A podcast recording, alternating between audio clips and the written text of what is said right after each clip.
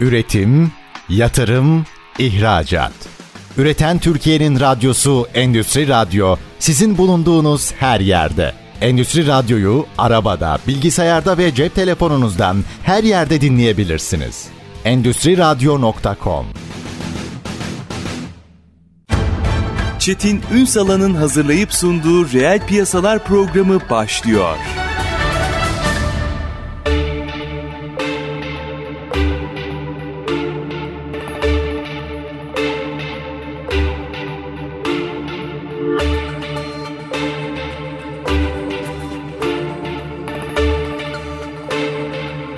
Reel piyasalardan merhabalar. Türkiye'nin gerçek gündeminde birlikteyiz. Efendim bugün aslında hepimizin gözünün önünde böyle adım adım büyüyen bir pazarı konuşacağız. Çok doğallaştı hayatımızda. Bazen bir konserde görüyoruz. Bazen e, toplantılarda görüyoruz böyle devasa ekranlar. Bazen açık hava reklamları olarak görüyoruz bir yerlerde. Ama o kadar gözümüzün önünde adım adım büyüdü ki. Tabii burada gelişen teknoloji, oradaki mühendislik, orada ortaya konulan performans gibi birçok detay var. Hepsini açacağız. Dünyada da büyüdü aslında. LED pazarını konuşacağız. Teknolojinin gelişmesiyle birlikte buradaki imkanların da artması bir tarafta görsellik, bir tarafta pazarlamadan belki anlatıma kadar birçok detayı önümüze getiren devasa bir başlıktan bahsediyoruz. E tabi görüyoruz da gördüğümüz yer nasıl gelişti? Orada nasıl bir pazar var? Bunları konuşacağız. Kıymetli bir konuğumuz var bugün. Freelet firma sahibi Müjgan Özdemir. Bugün reel piyasaların konu. Sayın Özdemir hoş geldiniz efendim. Hoş bulduk sağ olun.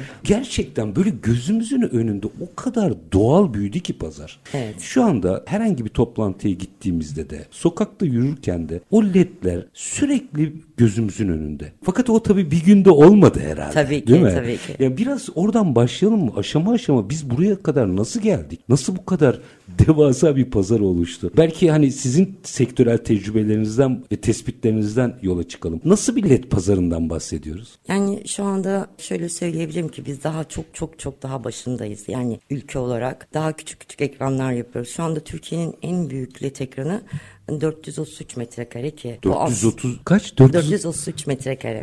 Onu da biz yaptık yine firma olarak. Ama çok daha büyük yani milyon metrekarelere yakın ekranlar var dünyalarda Times Meydanı'nda gördüğünüz gibi. O yüzden ben daha çok yeni, çok başlangıç diyoruz. Sizin gördükleriniz sadece bir fragman. Daha devamı gelecek ve daha çok büyüyecek bir sektör. Ben diyorum her işletmenin bir gün led ekranı olacak ya da led tabelası olacak. Her gün değişiyor. Yani buradaki normal tabeladan daha işlevli kullanmanız, enerji tasarrufu, kendinizi doğru ifade edebilmeniz ekran üzerinden. Bunların hepsi işletmeleri, kurumları led ekran ve led tabelaya yönlendiriyor her geçen gün. Burada tabii birazdan açacağım. O tabii sürdürülebilirlik vesaire enerji tasarrufu gibi birçok boyut da işin Evet, içine evet. giriyor. Fakat şöyle bir baktığımda 433 metrekare Metrekare. bu en büyüğü şu ana kadar ve Evet. milyonlar konuşuluyor dünyada. evet. Ne yapıyorlar? Nerelerde kullanıyorlar bunu? Aklınıza gelen her yerde. Bugün simitçiye de yapabiliyoruz. Ve çok büyük kurumlara, holdinglere de yapabiliyoruz. Bir konferans salonuna, işte belediyelerin meydanlarına, taksilerin üzerindeki işte boş dolu yazısına kadar, dolmuşların üzerindeki güzergah, belediye otobüslerinin üzerindeki güzergah tabelalarına kadar. Yollarda, Kuzey Marmara'dan falan geçerken görmüşsünüzdür. Boydan boya her yerde işte hızınızı belirten tabelalar. Bunların Tabii. hepsi, hepsini çalışıyoruz. Yani hepsine hitap ediyoruz. Neyi hatırlıyorum? Eğer yanlış bir tanımlamaysa ne olur düzeltin. 90'larda belki en mucizevi şey ilk önce döviz bürolarında başlamıştı. Böyle geçerdi yazılar. Böyle ilginç ilginç bakardık. Bugün geldiğimiz noktada mesela bir toplantıya gittiğimizde o toplantının arka planında devasa led ekranları görüyoruz. Teknoloji mi bu kadar gelişti yoksa bize mi daha yeni geldi? Yok yok teknoloji de gelişti. Biz aslında diğer Avrupa ülkelerine göre baktığımızda bu LED üzerinde LED teknolojisini daha yakından takip eden bir firmayız. Çünkü ben Avrupa'daki birçok ülkeye satış yapıyorum. Biz Türkiye olarak onlardan daha öndeyiz. Yani diğer konulara kıyasladığımda. Biz aslında yakından takip ediyoruz. Teknoloji yeni gelişti. Bu noktalara geldi. O sizin gördüğünüz dönemler ben de işte o zamanlar tabii ki bu sek- sektörün baş, çok başlarındaydım. Tek renklerdi bunlar. Tek renk kayan yazı şeklinde oluyorlardı. Ama bize bir mucize gibi gelirdi onlar. Evet. O zamanlar onlar çok güzeldi tabii ki. Onlar inanılmaz insanların dikkatini çekiyor. Artık dikkat çekmiyor çok fazla. Çünkü artık daha renkli, daha cıvıl cıvıl, video gösterimli olanlar, ekranlar ön plana çıktı. Burada galiba bir şeyin satılmasından çok projelendirmesi esas oluyor.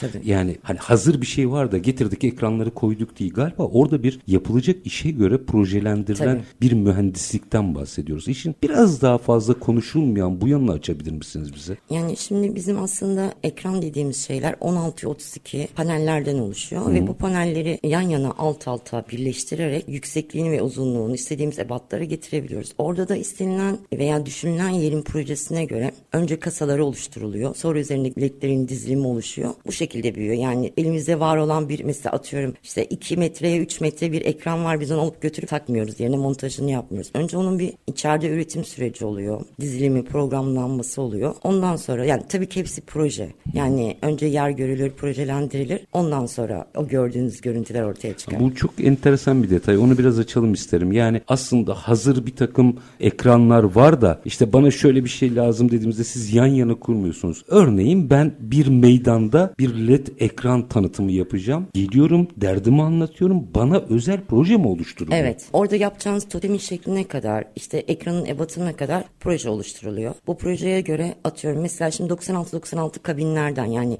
kasa dediğimiz CNC lazer kesimde elestotik boyalı kasalar önce üretiliyor. Bu sizin ürününüzün ebatına göre üretiliyor. Daha sonra o panellerin yani aslında asıl ışığı veren üzerinde diyotların olduğu panellerin bu kasalara dizilimi oluyor.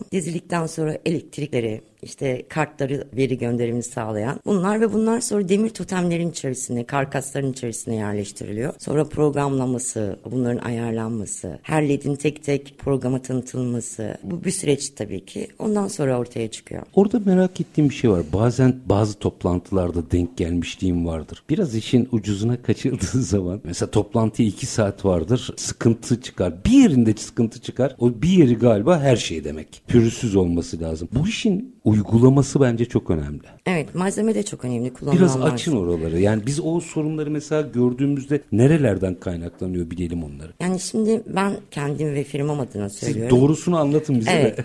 Bu LED sektörünün, LED ekran sektörünün daha doğrusu bir okulu ya da bir kitabı yoktu. Biz bu sektöre başladığımızda hata yaparak doğru yapmayı bulduk. Yani tüm ben ve ekibim aynı şekilde neyin nerede doğru yapacağımızı, neyin nasıl olduğunu biz de bilmiyorduk herkes gibi ve yanlış yapa yapa doğru yapmayı bulduk. O kadar çok şey etkiliyor ki yani orada kullanılan işçilikten, kullanılan kablodan işte bizim en büyük düşmanımız LED ekranlarda sıvı temas. Ön yüzünden IP65 olan ekranlarımızın arka yüzünü asla sıvı temas olmaması gerekiyor. O yüzden yapılacak karkasın dış mekanlar için söylüyorum. Yapılacak karkasın ya da totemin kesinlikle çok iyi bir izolasyonunun yapılması lazım. Atıyorum orada çalışan bir ustamız bir tane vida attı oraya ama oranın izolasyonunu yapmadı. Oradan içeriye su damladı. O direkt kartın üzerine geldi. Ve sonra baktığınızda ekran üzerinde bir metreye bir metrelik bir alanın simsiyah olduğunu görüyorsunuz. Evet. Ya da o su damlası kartın üzerine değil de var olan panelin üzerine gel. Herhangi bir panelin entegresinin üzerine geldiğini düşündüğümüzde o entegre, o panel simsiyah olacak. O zaman da daha küçük bir parçanın siyah olduğunu göreceksiniz. Yani Özellikle dış mekanlarda tabii yağmur söz konusu olduğu için Çok önemli. galiba izolasyon orada çok kritik önemli. hale geliyor. Tabii tabii. Yani mesela ben bir tane bu izolasyonla ilgili bir tane anımı anlatmak Sevinirim. istiyorum. Çok uzun yıllar önce bir arkadaşıma ekran yapacağım. O da tabii ki şeyde o kadar çok böyle bozuk ekranlar var ki e, korkuyor. Bana dedi ki ya Müjgan sana güveniyorum. Bana o kadar güzel bir ekran yap ki hiç bozulmasın, hiç sıkıntı olmasın. Ben çok korkuyorum. Dedim ki hiç merak etme konu bende. İmalat sürecinde bütün şey boyunca, işlemler boyunca ekranın başında durdum ve ilgilendim. O kadar sık sık her yerinden ekranı kap- kapattırdım ki ve hiçbir yerinden su girmesi mümkün değil. Ekranı taktım, montajını yaptık. Yaklaşık bir ay sonra falan arkadaşım beni aradı.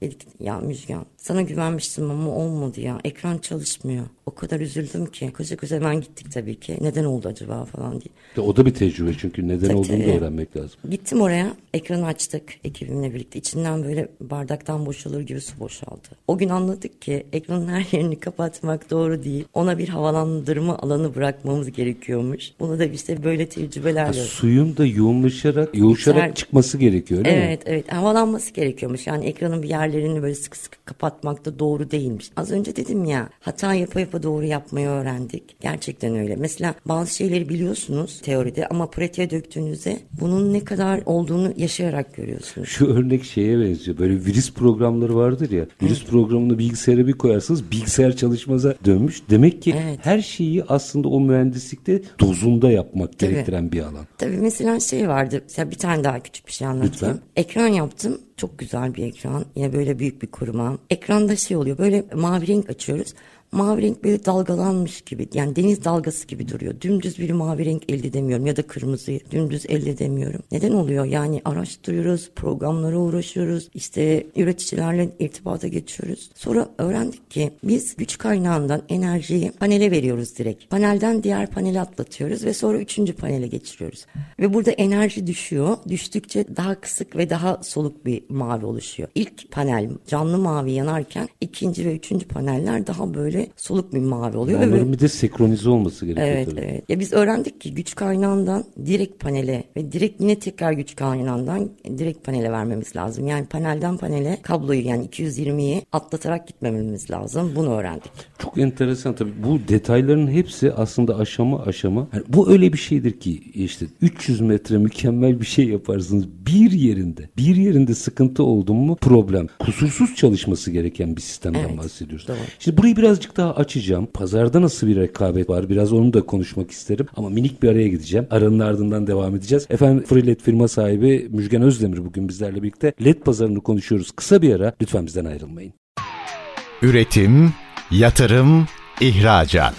Üreten Türkiye'nin radyosu Endüstri Radyo sizin bulunduğunuz her yerde. Endüstri Radyo'yu arabada, bilgisayarda ve cep telefonunuzdan her yerde dinleyebilirsiniz endüstriradyo.com Kısa bir aranın ardından reel piyasalarda tekrar sizlerle birlikteyiz. LED pazarını konuşuyoruz. Free LED firma sahibi Müjgan Özdemir bizlerle birlikte. Şimdi aslında anlattıklarınıza baktığımda meselenin bizim gördüğümüzün ötesinde enteresan nüansları olduğunu görüyoruz. Bir kere çok zor bir iş yapıyorsunuz. Evet. Araya giderken onu da söyledim ya. Yani müthiş bir genişlikte, müthiş bir iş yapmış olabilirsiniz. Bir kare bir kare hani 90'da gol yiyen kaleci gibi evet. bir kare her şeyi bozuyor. Şimdi o zaman burada birkaç boyutu açalım isterim. Birincisi bunun nitelikli olarak yapılabilmesi için nasıl bir bakın daha piyasaya gelmedim. Piyasada ne yaşanıyor açacağım. İkincisi bence burada nitelikli personel en kritik nokta yeterince bulunabiliyor mu? Ya aslında benim en büyük şansım o. 15 yıldır bu sektördeyim ve şu anda 15 yıldır birlikte olduğumuz bir ekibim var. Bizde en yeni çalışan 6-7 yıllıktır. O yüzden güçlü ve güzel bir ekibim olduğunu düşünüyorum ve bu yüzden de şanslı hissediyorum. Buradaki en büyük etken zaten ekip. Onun haricinde malzemeyi bir şekilde kalitesini zaten üretiriyorsunuz. Kendiniz ayarlayabilirsiniz. Yani iyi kalite ya da düşük kalite bir ürün diye. Ama personel bulmak inanılmaz zor. Yani bir personel işten ayrıldıkta ayrıldıktan sonraki ayrılan olmadı şu ana kadar. Ayrıldıktan sonra yerine koyabileceğim bir personel asla yok. Yetişmiş bir personel yok. İş insanda bitiyor yani orada. Kesinlikle. Yani onun programlamasını yapabilmek, o montajlama yapabilmek. Yani düşünebiliyor musunuz? Yani bir metrekare ekran 18 tane panelden oluşuyor. Bizi biraz açsanız da bize öğrenelim diye soruyorum bunu. Hı-hı. Bir iş geldi, projelendirilecek. Hı-hı ve okeylendi. Neyse artık o belki aklınızdaki örnek projelerden birinden de yürüyebilirsiniz. Aşama aşama nasıl o led o hale geliyor düzgün çalışıyor. Böyle aşamalarını üretim aşamalarını falan bir anlatabilir misiniz bize? Yani şöyle bir örnek vereyim. Yakın Hı. zamanda yaptığım Türkiye'nin ilk 3D ekranı hatta tek 3D ekranı Ankara Büyükşehir Belediyesi için yapmıştı. Pazar günü ben arandım Ankara Büyükşehir Belediyesi'nden 200 metrekare civarında bir ekranın olduğunu ve bunun için benden kaç günde yapılabileceğini sordular. Ben de jest olsun hani işi de alabilmek amaçlı. Aslında 90 gündür süremiz. Ben dedim ki 30 günde yapabilirim bu işi. Üçte bir. Tabii. Ben oradaki hani beni tercih etmeleri için aslında jest yapıyorum karşı tarafa. Hızlı yaparımı göstermek için. Karşıdan bana dediler ki 29 Ekim'e yetiştirebilir misiniz? O gün pazar ve bir sonraki pazarda 29 Ekim. Ha, bir haftaya düştü 30 gün. Bir hafta bile değil 6 gün var. Bana sadece tek bir soru ve tek bir cevap istediler. Dediler ki tek bir kelimeyle evet ya da hayır. Yetiştirebilir misiniz yetiştiremez misiniz? Ben de düşünmem için 15 dakika ihtiyacım var. Dediler ki 15 dakika değil sana 30 dakika veriyoruz. 30 dakika sonra bizi arayıp yapabilirim ya da yapamazsın diyeceksin. Ben zoru başarmayı seviyorum. Yapı olarak da öyle olduğum için. Ekibimi aradım. Arkadaşlarıma dedim ki böyle böyle bir proje var ve bize 29 Ekim'e yetiştirmemiz gerekiyor. Nasıl yaparız? Benim ruh sağlığımın çok iyi olmadığını düşündüler önce. Saçmalama falan tarzında. yani abartma. Bunu da önce bir Türk yapar.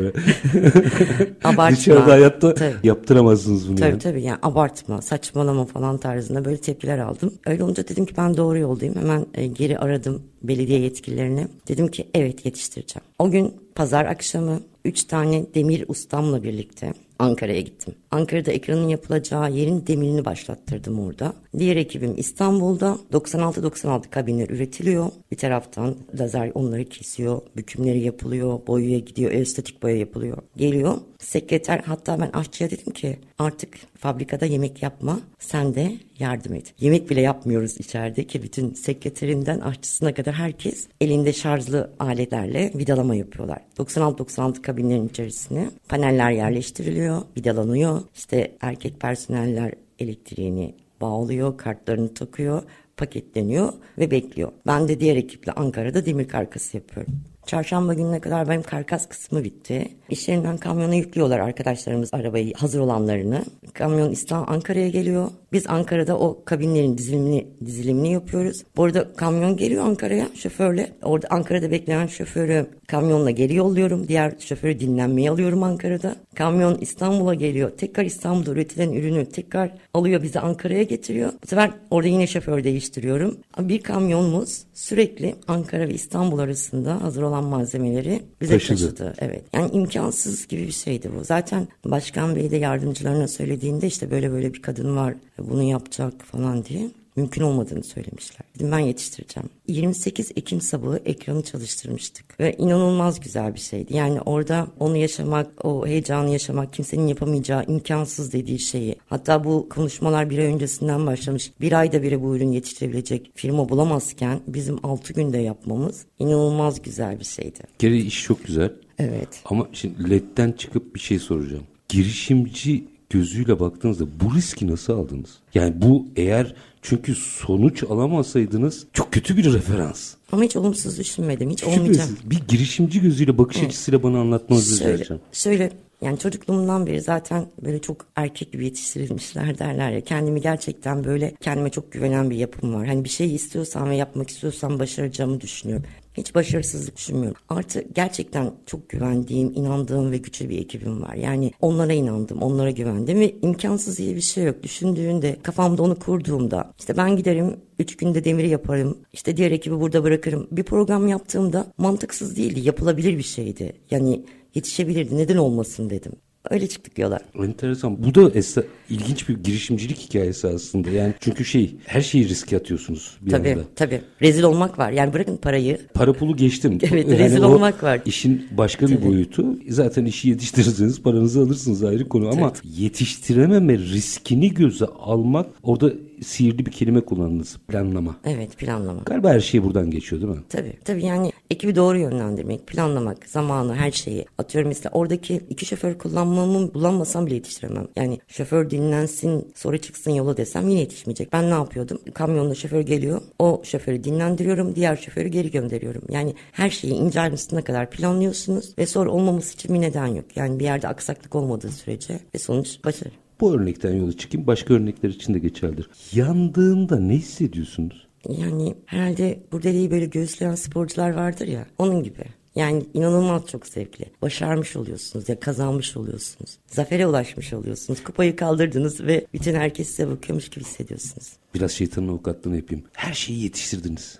Bir tanesi yanmasaydı. B planı neydi? Yanacaktı. Yoktu yanmama ihtimal. Hep yedeklerim vardı yanımda. Yani her hep yedek malzemelerle. Onu planlarken onu da planladım. Ol, olabilir, olmayabilir. Hep yedeklerle, yedeğim vardı. Hemen değiştirecektim yanmadığında. Bu işte planlamanın ne kadar önemli olduğunu gösteriyor. Tekrar gireceğim led pazarına buradan. Ama bunu arada almam gerekiyordu. Çünkü bu bir bakış açısı. Ve bu bakış açısının belki daha çok konuşulması gerekiyor. Belki ilerleyen dakikalarda biraz daha açabilirim. Peki piyasa. Şimdi çok cazip hale gelmeye başladıktan sonra bütün piyasalarda böyle bir sorun vardır. Hallederiz diye bir enteresan bir kelime var. Halledebilmek başka bir şey hallederiz başka bir şey. Çok fazla çantacısı oluyor amiyane tabirle. Sizin piyasada ne yaşanıyor? Çünkü bu kadar ön plana çıktıktan sonra eminim orada da çantacı vardır. Bizim sektörümüz şöyle bir sektör. Reklamcı değiliz ama reklamcıyız. bilgisayarcı değiliz ama bilgisayarcıyız. Yazılımcı değiliz ama yazılımcıyız. Yani bunların hepsinin toplandığı bir kurumuz aslında. Bugün reklamcı da bizim işimize sahip çıkıyor. Reklamcı işimize sahip çıkıyor ama içinde elektronik olduğu için korkuyor. Bugün bilgisayarcı, bilgisayarcı arkadaşlarımız da bizim işimize sahip çıkıyor.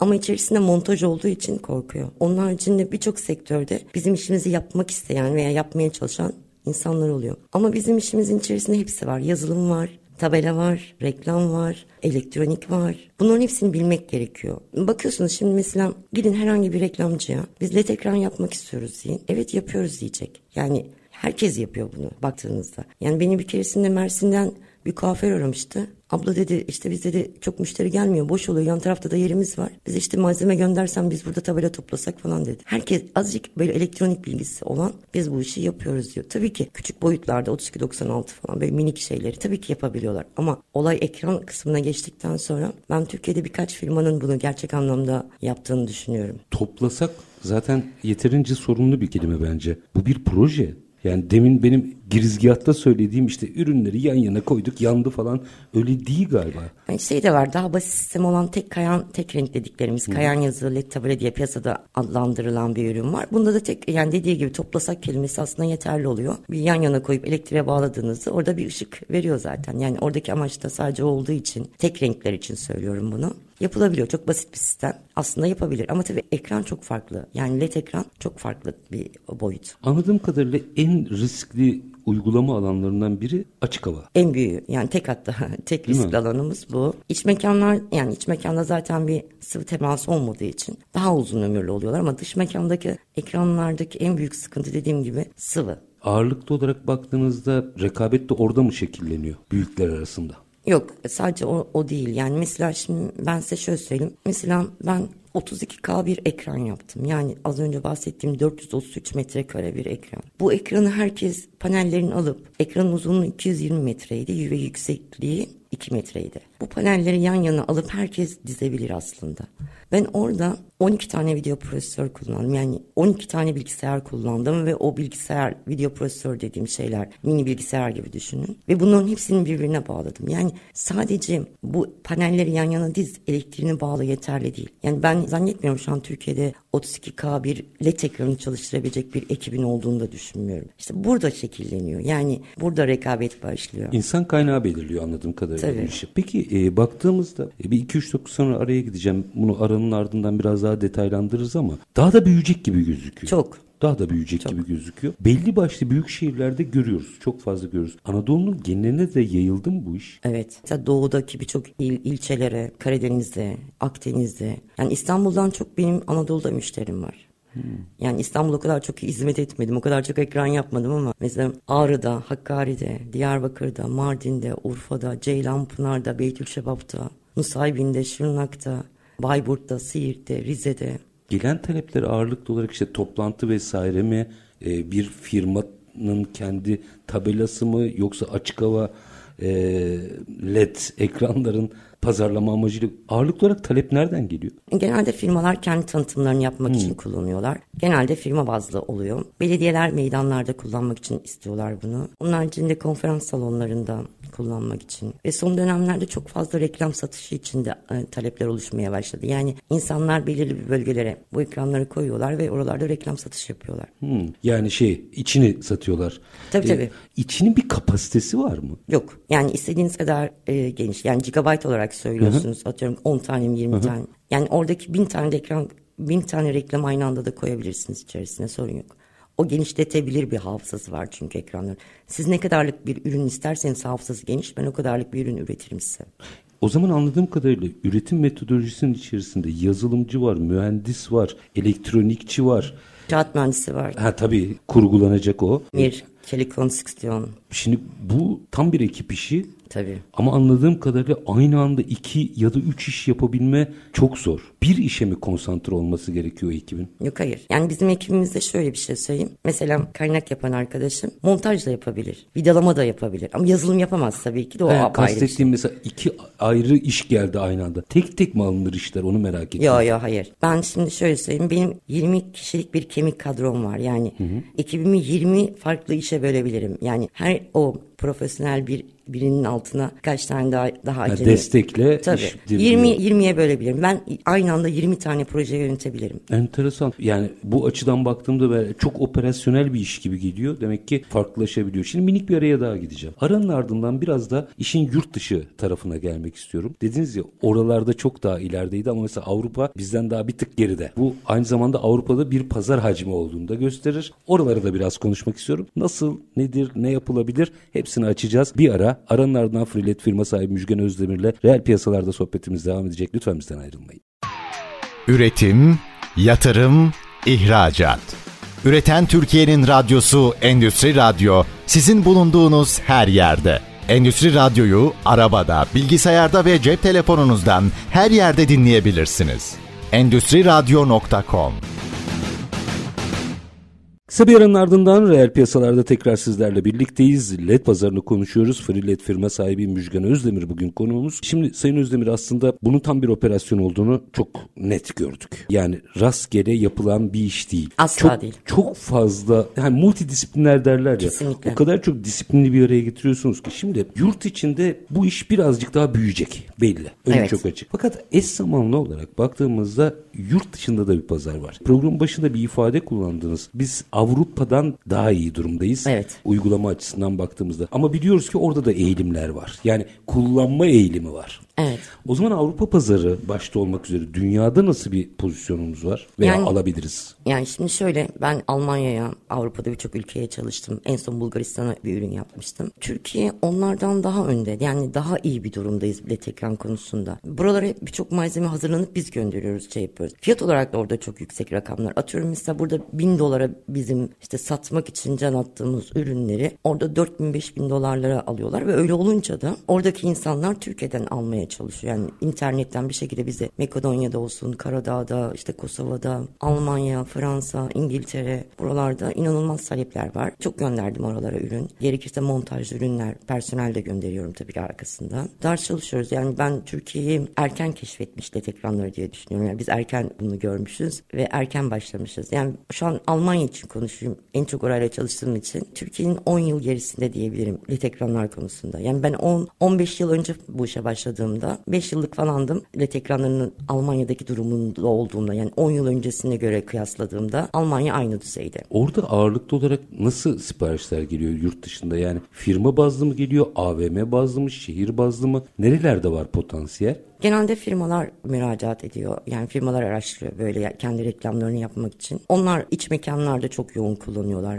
Menü mesela restoranlar menü board dedikleri yani fiyatlarını ve ürünlerini sergiledikleri ürünler olarak alıyorlar. İşte konferans salonlarını, toplantı salonlarını alıyorlar. Büyük firmalar toplantı salonlarını artık bu şeyler duvara yansıtılan o görüntüler artık ortadan kalkıyor. Onun yerine ekran- Projeksiyonların yerini tamamen aldı mı Evet, tamamen aldı. Çünkü projeksiyonda hem canlı bir görüntü olmuyor hem de istediğiniz gibi yönetemiyorsunuz. Ama bizim ekranlarımızı cep telefonundan daha iyi yönetebiliyorsunuz. Önünde bir cam olmadığı için ışığın yansıtması gibi bir durum da söz konusu. En arkada oturan arkadaş bile en önde oturanla aynı netle görebiliyor ekranı. Burada tabii bu işin teknolojisinde baktığımızda LED meselesi aslında hani Türkiye'de LED olarak da üretilebilir. Zamanında bu konuyla ilgili çok girişimler vardı ama uzak doğu galiba ana ekrandan bahsediyorum. Ön plana çıkıyor doğru mu? Tabii ki biz üretmek bir Malzeme dönem... alıyorsunuz Tabii neticede. biz bunun ledlerin de üretilmesi için ciddi araştırmalar yaptım. Ciddi şeyler uğraştık ama zaman da harcadım bunun için. Ama baktım ki Türkiye'de biz bunu orada temin ettiğimiz fiyatlara bile temin edemeyeceğiz. O yüzden vazgeçtik. Hatta Zor mu üretimi? Üretim aslında çok zor değil ama yine baktığınızda mesela çok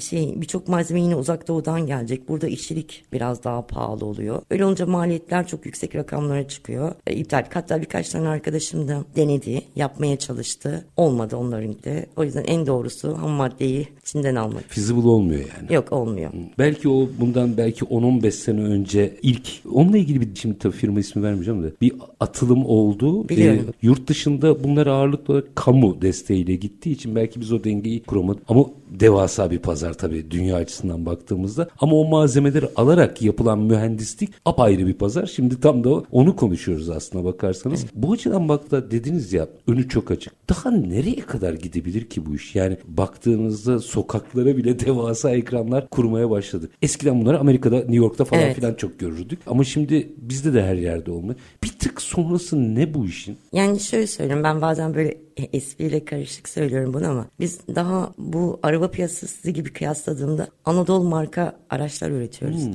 Daha bunun çok böyle üst modelleri hepsi olacak. Şey diyorlar bir gün herkesin led ekranı olunca bu sektör bitecek. Maya bitmeyecek. Şu anda herkesin arabası var ama araba fabrikaları duruyor mu? Bizim sektörümüz öyle. Her gün daha farklı, daha yeni, daha çözünürlüğü yüksek ürünler üretiliyor çünkü. Yani benden yıllar önce Kayan Yaz alan firma bana gelip işte çözünürlüğü yüksek başka bir ekran oluyor. Ya da birkaç sene önce üstün üst yani o zamanın teknolojisine göre çözünürlüğü yüksek bir ürünü alan bir firma birkaç sene sonra buna çok çok daha yüksek çözünürlük başka bir ürün alabiliyor. Buradaki teknoloji durmuyor anladım. Durmuyor evet. Yani şu an o kadar şey ki normal evde kullandığımız televizyonların netliğine kadar ulaştık. Yani 0.4 milime kadar düştü netlik. Baktığınızda sanıyorum orada çözünürlük esas değil mi? Evet çözünürlük. Bir tık sonra bunu hayal edelim diye soruyorum. Yani ikimiz de çünkü orada ne olacak en azından ben bilmiyorum. Sizin bilginiz varsa açında olur. Mesela kuantum bilgisayarlara falan filan gidildiğinde öyle anında daha hızın arttı falan. Bu LED teknolojisine de yansıyacak mı? Projelere yansıyacak mı? Mutlaka böyle bir hayaliniz vardır. Bu işin gideceği yere kadar. Madem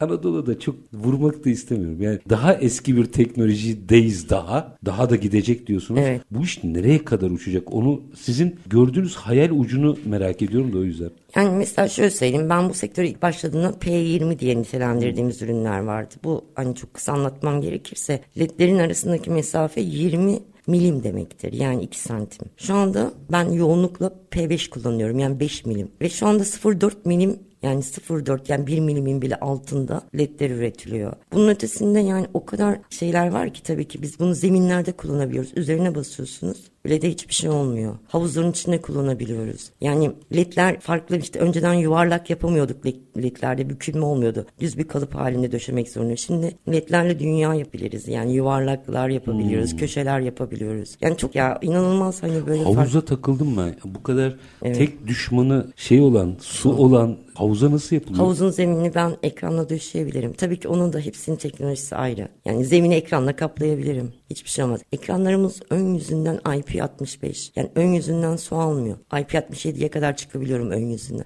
Bizim asıl derdimiz arka yüzü. Arka yüzü de korumaklı, korunaklı yaptıktan sonra hiçbir şey olmaz. Ya yani bizim eski tüplü televizyonların arkadan bir şey alması gibi. Doğru Aynen mu? öyle doğru. Yani teşbihte hata olmaz bir şey. Elektronik olarak bilgi seviyem bu kadar.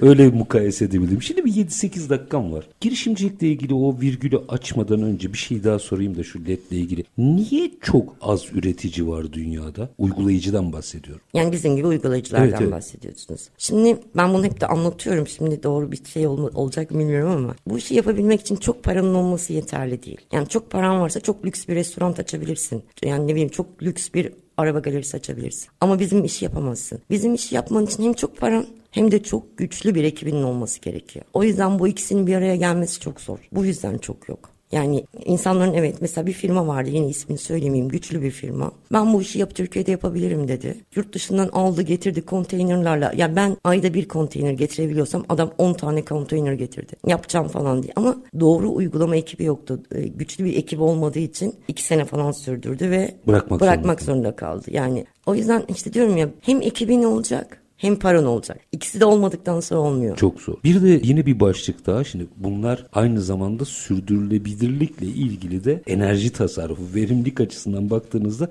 kritik başlıklardan biri. Orada malzemeler ona yönelik de dönüşüyor mu? Yani mesela panellerimiz 5 volt ve 5 amperle ha işte çalışıyor. Ondan bahsediyorum. Evet, evet. E, verimlilik burada nasıl? Tasarruflu LED teknolojisi zaten tasarrufta. Evet, evet. Ondan biliyorum da onun içinde de kendi içinde tartışılıyor mu diye merak ediyorum. Daha iyi noktaya götürmek için. Bu bence zaten çok düşük bir enerji sarf ediliyor. Ondan Onun için... da uzak doğulular düşünsün onu zaten şöyle düşünün. Hani bu kadar büyük bir e, açıkçası bana bu sorular çok gelmiyor. O yüzden biraz takıldım. Açıkçası böyle bir led ekranı almayı düşünen bir firmanın ne kadar elektrik yakıyor gibi çok da düşüncesi olmuyor açıkçası. Alabilen diyorsunuz. Alabilenin. O güzeldi. Ya peki şimdi bir 3-4 dakika mı? 3-4 dakikada da efendim biz aslında bugün sizlerle buluşturdum Sayın Özdemir'e. Biz kadın girişimcileri destekleme zirvesinde tanıştık. Müthiş kadın girişimciler var bu arada. Türkiye'de onun altını çizeyim. Kadın girişimci olmak kadar maskülen bir pazarda nasıl bir şey? Biraz oradan başlayalım. Biraz açmanızı rica edeceğim. Yani az önce Ankara Büyükşehir Belediyesi için yaptığım ekranda verdiğim örnek gibi imkansız gibi bir şey. Zaten sektörüm o kadar çok erkeklerin içinde bulunması gereken aslında erkekler, erkeklerin yapması gereken bir iş ki. Hele bu işi bir kadın olarak yapmak imkansıza yakın bir zorluklar. Ben hani bilmiyorum diğer sektörlerde nasıl ama bizim sektör çok zor. Yani kabullenilmem çok zor oldu